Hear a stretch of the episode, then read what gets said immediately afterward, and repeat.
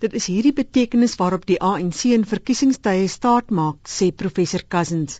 Maar wanneer dit kom by die beskikbaarstelling van die nodige bronne vir die proses, is daar nie 'n genoegsame politieke wil nie. Die begroting vir grondhervorming was nog nooit meer as 1% van die totale begroting nie en dit was nooit werklik 'n prioriteit nie. Invloedryke leiers is nie aangestel om die hervorming te dryf nie en dit was tot nou toe nie hoog op die ANC se agenda nie. Cousins sê wat wel bereik is, is dat die meeste eise van die grondrestitusie in kontant afgehandel is. Many of the very large rural claims which are much more expensive and much more complex have actually not been resolved. And recent reductions in the restitution budget mean that the department is way behind in even paying for resolved claims. So restitution, far from being the success story which it's sometimes made out to be, is actually quite problematic. Met die herverdeling van grond is daar dieselfde struikelblokke en gebeur dit stadig.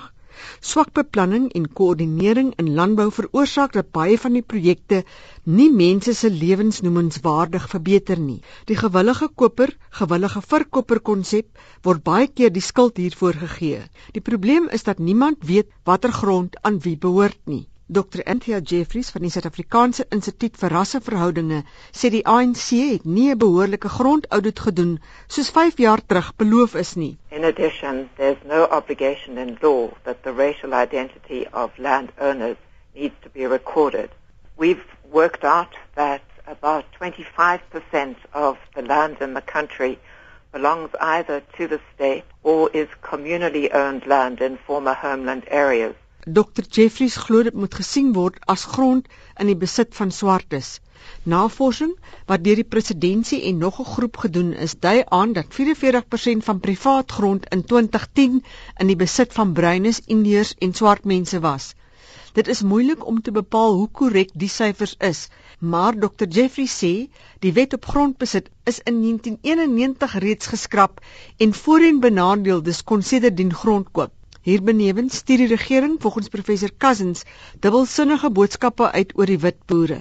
Aan die een kant word hulle die sonbebokkel gemaak omdat hulle die pryse opstoot vir die restituisie en herverdeling van grond, vir die uitsetting van plaaswerkers en teenstand teen grondverdeling. On the other hand, government also commends white farmers for being productive for keeping the country food secure helping to uh, contribute to export earnings. So they're very ambivalent. They don't quite know what to do. But I think white farmers don't help their own case often by being overly defensive. Die groenskrif oor grondhervorming skets 'n viervlak grondbesitstelsel. It's a freehold title, foreign land ownership, leasehold and communal tenure and I think it's a rather peculiar set of proposals. I don't think it hangs together and makes a lot of sense. Die regsadviseur van Agri Suid-Afrika, Annelise Crosby, sê egter die organisasie glo dat grondhervorming nodig is, maar op 'n ordelike manier moet geskied. Dan moet daar altyd billike vergoeding beskikbaar wees. Daar is volgens haar sekere aspekte wat ononderhandelbaar is. Die beperkings op privaat besit wat hulle wil inbring, die sogenaamde grondplafonne wat gaan sê dat mense nie meer as 'n sekere hoeveelheid grond sal kan besit nie. Ek glo dit sal baie sleg wees vir ons ekonomie en ons landbouproduksie. Ons is heeltemal gekant teen 'n manipulasie van grondpryse. Ons wil nie hê ouens moet vreeslike winste maak uit grondhervorming nie, maar ons wil dan ook nie hê boere moet nou alleen die prys moet betaal vir grondhervorming nie. Emeritus professor Louis Changyon, 'n historikus aan die Universiteit van die Noorde en skrywer van die boek Omstrede land, sê daar moet weer gekyk word na die groenskrif. Die voorstel dat die kommersiële boere hulle grond moet behou en die wat nie grond kan koop nie, dit van die staat moet huur, is vir hom aanvaarbaar. 'n huur of erfpagstelsel maak vir Shangyon ook baie sin omdat die meeste mense nie kan bekostig om grond te koop nie. Die swart mense is gewoond daaraan om grond op 'n klein skaal te bewerk, maar ook kommunale boere. En hulle moet geakkommodeer word in hierdie stelsel waar hulle grond kan huur by die staat. Die verhuur van staatsgrond aan voornemende boere is volgens Cousins baie ontoereikend. Hierbenewens sê hy is die beskikbare staatsgrond byna net natuurreservaatgrond, waterreserwes en opvanggebiede of grond wat deur die weermag gebruik word. Daar is glo baie min grond wat geskik is vir landbou.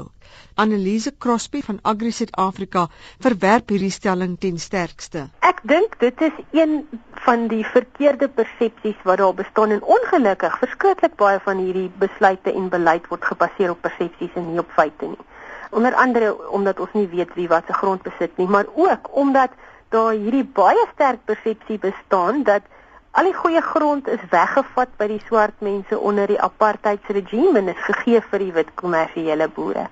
Die ouens wat regtig suksesvol boer, sal vir jou sê, daar is nie regtig iets so swak grond. Die oorsaak van die swak hervormingsproses is volgens Cousins dat die staatsdepartemente nie behoorlik saamwerk om dit doeltreffend toe te pas nie. Professor Ben Cousins sê hoewel daar baie verskille is met grondeienaarskap in Zimbabwe, is daar Suid-Afrikaanse politici wat bewondering het vir die onteiening van witboere se plase in Zimbabwe sedert 2000. I think some politicians on this side of the border have actually looked at that and said well it could happen here too.